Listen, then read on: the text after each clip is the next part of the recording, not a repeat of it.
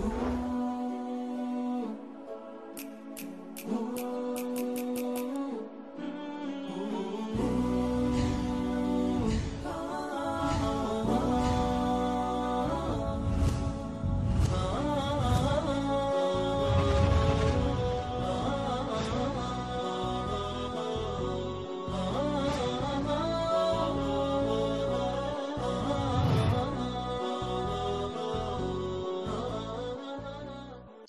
bismi illaahi araxmaan araxiim alxamdu lilaahi rabbi alcaalamiin wasalaatu wasalaamu calaa rasuuliillah ama bacd assalaamu calaykum waraxmatullaahi wabarakaatu daawadayaal ku soo dhowaada barnaamijkeennii aan uguma acdarnay sidaan ku soo haleelay hanuunka. Barnaamijkaas waan ku waraysanaynay xubno ka tirsan jamaacata assaaducuuna bilxaq. Caawa barnaamijkeenna waxaa marti noogu ah sheekh muuse. Sheekh muuse soo dhowow. Sheekh muuse afrax guure wuxuu ku dhashay magaalada beledweyn kun sagaal boqol konton iyo sideedii halkaas ayuu ku soo barbaaray qur'aanka ku soo bartay dugsi hoose dugsi dhexe. Kadib wuxuu u soo wareegay magaalada muqdisho oo waxbarashadiisa ka sii watay dugsi sare ayuu dhammaystay kadib wuxuu ka baxay jaamacatu culuum wa technology oo ku taala dalka yemen. Wuxuu ka bartay maadada business administration ama dhaqaalaha. Sheekh muuse mar kale soo marxaba waxaan jeclaan lahaa inaad nooga waranto noloshaadii sida ay ahayd hanuunka intaadan soo haleelin ka hor bismi illaahi araxmaan araxiim alxamdu lilah wsalaatu wasalaamu calaa rasuuli illaahi wcala aalihi wasaxbi ajmaciin amaa bacd ilaahay baa mahadle mahad aan la koobi karin run ahaantii su'aasha aad weydiisay su'aal aada maarata ku haboon waayo xaaladda hadda la joogo. Maxaa yeelay bani aadamku haddu marxalada ku jiraa inta badan laba marxalo wa miduu fiican yahay iyo miduu xun yahay. Xaqiiqatan waxawaa bani aadamka tan ugu daran waxa weeyaan marxaladda markaas uu taagan yahay haddii ilaahay hanuuniyo wixii ka horreeyey ayuu xasuustaa sideedaba asal ahaan oo macnaha waxaan uu haysto nicmadooda wuxuu ku garan karaa noloshii hore uu ka soo tegay maarata taasna waa wax dabiiciho bini aadanka uu ka sameyn yahay. Hadday tahay maadada iyo hadday tahay maaragtay dadka ilaahay maaragtay gartay oo fahmay. Maxaa yeele fii waqti saxaaba ridwaanullahi calayhim way ka sheekaysan jireen maarata marka haddaan u soo noqdo yacni su'aasha jawaabteeda nuxur ahaan aniga waxaan ku barbaaray deegaanka aan ku dhashay yacni bee-adiisa. Bini aadankana asal ahaan waxaa saameyn weyn ku leh environmentiga ama bee-ada uu ku karo.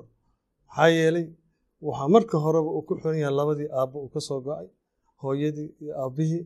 Maxaa yeelay kulla mawluudi yuuladu cala alfitra fa abawaahu yuhawadaanihi aw yunasiraanahu aw yumajisaanahu marka asalka masiirka qofkaas bini aadankaa dhashay ilaa uu ka dhinto inta badan hadduusa ilaahay hanuun siin ama isbeddelka la imaanin bee-adaas oo waalidka uu sabab yahay asalkiisa ayuu masiirkiisa noqonaa.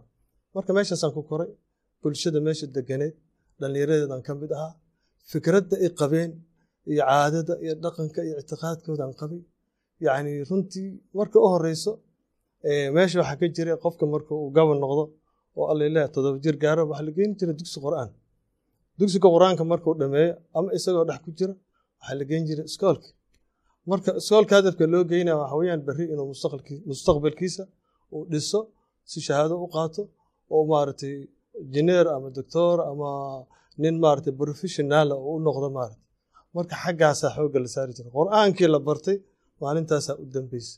Allaahuma waxaa dhici karta marmar haddii qof jir lagugu yiraahdo qaraabada ah kaale ku aqri qur'aan lagu yiraahdo ama culamo loo yeero qur'aan kaale maaragtay muxuu ahaa duca iyo munaasabe iyo mooyaane halkaasaa qur'aanka ku ekaa wax ku hambaasi jiray iyo wax ku fikiri jiray inuu yahay munazal min cindi illaahi kitaabkii loogu talagala ma jirin marnaba meeshaasaan ku barbaarnay.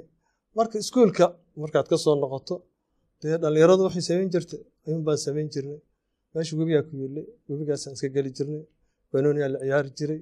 Habeenkiina ama bacda almaqrib ama cishaha markii la soo tukado salaadaa la tukanayay marka la soo tukado meel waxa jira lagu heesaabo oo macnaha nin aada nooga da-weyn oo noobalada akhrin jiray ayaa maaragtay na kulmin jiray marka meeshaas habeenkaas qofka yani hadduu jiran yahay waa yani uu xiiseyn jiray asagoo jiran u imaan jiray macnaha sheekada uu ninkaas waday mararka qaarkood sheekaa waxay soconaysaa shan iyo toban beri shan iyo toban habeen ayay soconaysaa alf leyl waleyl oo kale ama maaragtay qisooyin oo yurub ka dhacay waxyaabo dhacdoonigi waxaasuu keeni jira meeshaasaan marka aad u xiiseyn jirnay taasaa lagu mashquulsanaa macnaha taasaa lagu mashquulsanaa ilaa maaragtay yani dhallinyarada maaragtay yani muxuu ahaa aad u xiiseeyaan dadka marka meesha muctaqadaad iyo dhaqamo iyo waxbay lahaayeen wax badanaa jiray meesha horta waa meel waxay ahayd xarun ah waa central gobollada oo dhan u ahayd dadka ku kulansan yani waa dad hay'adaha dowladda ka shaqaynaya. Laga soo bedelay gobollo kale. Xoogaa qabiilka ku yaraa. Gobolaysiyaa jiray culamo fara badan oo galbeedka ka timidna waa jirtay oo aad wax u taqiin tafsiirka yaqaaneen cilmi xadiiskay garanayeen waxay garanayeen maarata luqada naxwaha sarfiga oo kale raga xataa balaaqada yaqiineen laakiin waxay ku ekayd masaajidka iyo xerow yaryar oo cidaha deriska ku xiran ama qaraabadooda maar wax intaa dhaafsiisan ma jirin kitaab ilaahi marka shiikha wax akrinaa tafsiirka. Ah kitaabka ku akrinaa waa kitaab badanaa maaragtay israa'iiliyaad u badan. Marka isaga marka wax saameyna kuma lahayn tafsiirku akrinaa markuu soo bax ummaddu ka mid yahay dhaqan ahaan caadi ahaan ictiqaad ahaan. Meeshaasna waxaa jira nasca suufiya oo aada u weyneed. Weliba dariiqa qaadariyada aada ugu weyneed. Waxay ahayd yani waxyaabaha aada loo qadariyey mathalan habeenka arbacada iyo habeenka jimcada guri kasta oo magaaladaas ka mid a inta badan waxaa laga akhri jiray kitaabka munaaqabka hadda kitaabka munaaqabka waa garanaysaa waxa shirkiyaad iyo waxaa ku jira waxyaabo badan oo khuraafo ah. Marka noloshu saasay u socotay. Intaa waxaa dheer meesha maamulaa ka jiray. Aniga waxaan soo garaawsaday yani aan wax fahmay oo xoogaa wax gartay yani lixdan iyo sagaalkii toban jir meelahaasaan ahaa. Dowladdii musuqmaasuqa la dhihi jiray. Marka aabbahay iga sheekeyn jiray qabiil iyo xisbiye iyo waxbuu ka sheekeyn jiray. Laakiin waxaan aad u gartay dowladdii kacaanka. Dowladdii kacaanka waxay la timid yani arrimo aad u aad adag mabaadi'da la yiraahdo hanti wadaagga oo ishraakiyada ku dhisan oo runtii aan bal iska dhaafi diine ilaahay jiritaankiisa inkarsaneed horta mabda'iyan dowladdaaba maaragtay mabda'eedu hanti wadaag u ahaa kadib baa waxaa la sameeyey xafiis la yiraha xiriirka dadweynaha ooba magaalada dhan maaragtay maamulkeedii wixii ku saabsan aad maaragtay uga talisa marka maadooyin waxaa laga bixin jiray oo hanti wadaag ku saabsan iskuullada laga bixin jiray. Marka hanti wadaagaas ayaa dowladdu aad maaragtay mabda ahaan u rumaysneyd. Marka diin wax ku saabsan maba la soo qaadi karin. barashadeedna ma jirno Ma jirin, maaragtay. haa. waxa ka dheeriya intaas ma jiro adina macnaha noloshaas ku nooleed oo ku dhex jirtay aad iyo aad. Laakiin ilaahay amarkiis een, saxwadii islaamkaa meesha yimid dhallinyaraa timid xoogaa culummadii dhallinyarada madaxa isla gashay. Eh, culummada iyo macnaha dhalinyarada iyo saxwadada intaysa macnaha noloshaasa ku nooleed. Mhm. maya Iyo anuu nolosha ku nool. ku jira ayaa saxwadii timid. Dadkiyaa yimid. Dadkii dhalinyaradii timid. Dhallinyaraa timid. Macnaha taasaa marka eh, saameyn kugu yeelatay inaad noloshaas ka soo baxdo oo nolol kale u soo wareegto. Maya weli markaas markaas ma jirin. dhallinyarada waa arkay. Runtii waa dhegeysan jiray marka ilaahay amarkiis nin walaalkii ku jiray uu ila hadli jiray masaajidka u geen jiray laakiin wax saameyna iguma lahayn. salaadda waa tukan jiray waa soomi jiray ma garat intaas unbay igu ekayd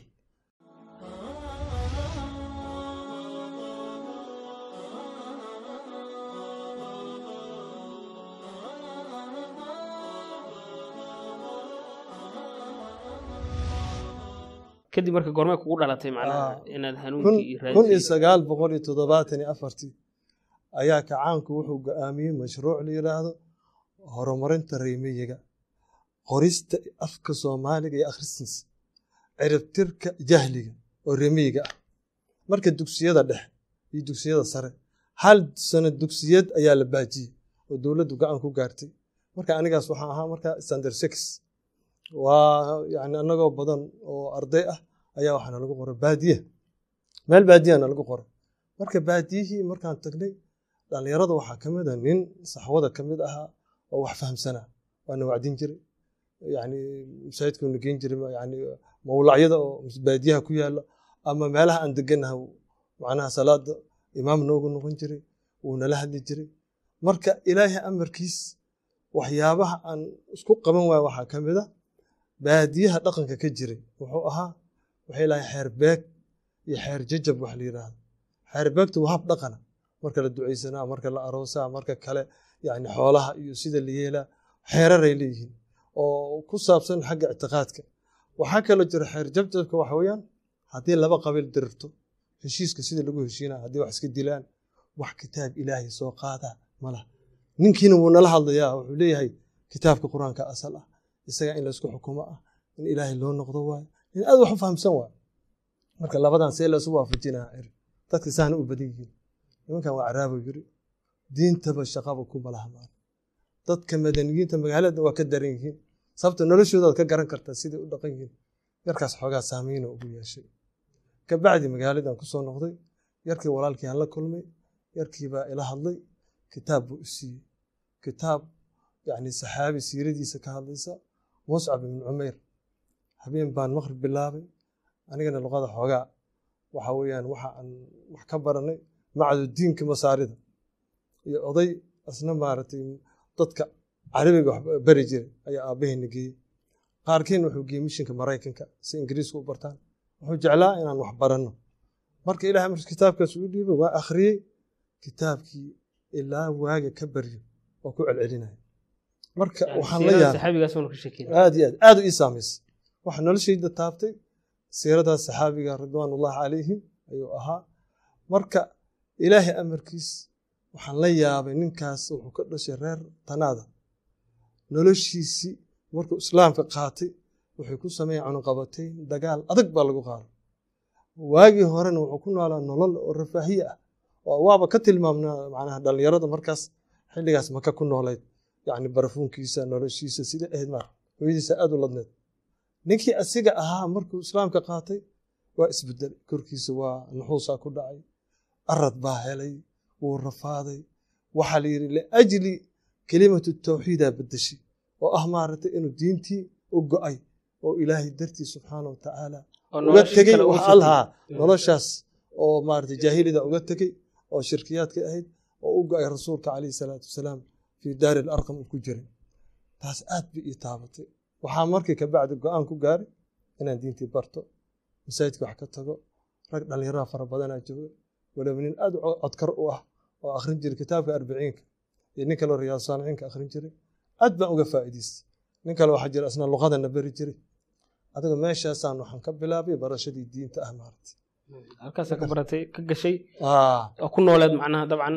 Yani waa waqti dheera ku soo aad kadibna kun iyo sagaal boqol toddobaatan iyo lixdan waxaan u soo wareegay xamar. Oo waxbarashadan ka dhamaystay ilaa maaragtay dhallinyaradii aan ku xirmay arbaca runkan aan tegey alxamdulilah maaragtay halkaasaan tarbiye ka helay.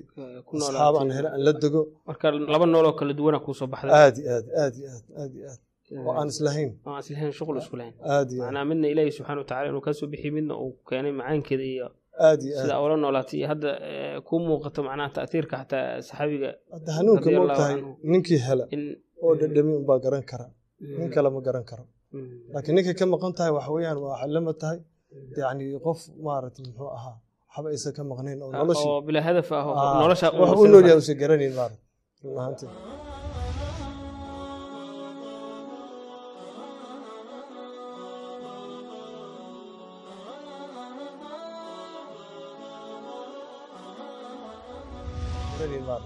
marka maadaama ilaahi subxana watacaala adigoo kugu nooleysiiyey maxaad eh, dadka maxaad dhihi lahayd ama ugu yeeri lahayd dadka oo noloshaas hore oo hadafka aan lahayn haddaan soo koobno macnaha yacni qofka uu iska nool yahay inuu cuno inuu cabo uu seexdo laakiin uusan eh, aakhire inay jirto in xisaab dambe ay jirto uusan u nooleyn dadkaas ayaga maxaa ugu yeeri lahayd Ee, dadka waxaan ugu yeeri lahaa run ahaantii ama dadka ummadoo dhan waxaan dhihi lahaa runtii yacni islaamka fahamkiisa waa xaqiiqa dhab ah waa kitaabka qur'aanka iyo sunnada nebiga caleyhi salaatu wasalaam. Ninkii ilaahay u haleeshiyo hanuunka waa nin ilaahay doortay. Marka hadda ilaahay baa wax hanuuniyo. Qofaad jeceshahay adigu saa rabta kama yeeli karto waa mashii'ada ilaahay innaka laa tahdi man axbabta walaakina allah yahdi man yashaa. Hanuunkan waa wax ilaahay bixina. Marka horta dadka waxaan leeyahay ilaahay qofkay ka maqan tahay ilaahay ha, ha tuso oo ha fahamsiiyo laakiin waxaan dhihi lahaa qofka hadduuba nolosha rajo keliya waa inuu gartaa hadafkii ilaahay u abuuray. Ilaahay wuxuu abuuray inuu keligii caabudo. Wamaa khalaqtu ljina walinsa ila liyacbuduun. Maa uriida minhum min risqin wamaa uriida minhum an yudcimuun. Ah, yacni ilaahay waxba ugama baahna.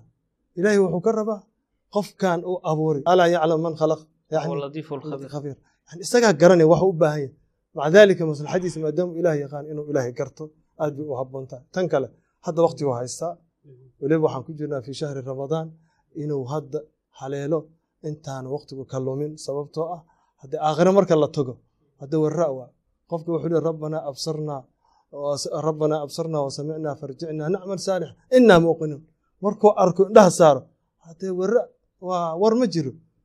Sidii maaragtay u dhacday. Si kastay u dhacdana meesha laga noqon maayo.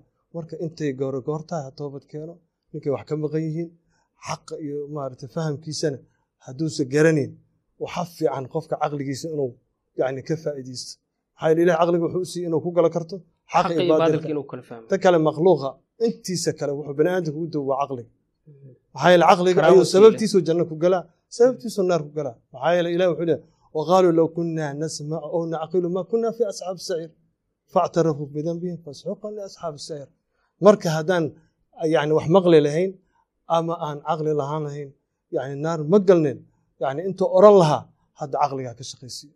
Oo kitaabka ilaah u noqdo? Dhagaha furo. Maxaa yeele dhaga qalbi u furana wax qabta. Laakiin haddii ka maqan yihiin ina fii dalika ladikraa liman kaana lahu qalbun aw alqa samca wahuwa shahiid. Marka run ahaantii waxa weyaan waxaan dhihi lahaa intay goore goor tahay tan kale waxa adduunka ugu daran nin wuxuuse gerin mucaarada waa halis wa yani waxaad garanaysaa qofkaas kaflada iyo jahliguu ku jiro inuu murakab yahay marat marka waxaan rajaynaa ummadda inay kitaabka ilaahay u soo noqdaan. Intaasaan oran lahaa. Jasaak allahu sheekh muuse eh, daawad alaadinkana aad ayaa u mahadsantihiin barnaamijkeena aan ku wareysanayn xubno ka tirsan jamacata asaadi culub alxaq oo caawa marti noogu ahaa sheekh muuse afrax. Halkaas ayaan ku soo gabagabeyneynaa wassalaamu calaykum waraxmat ullaahi wabarakaatuh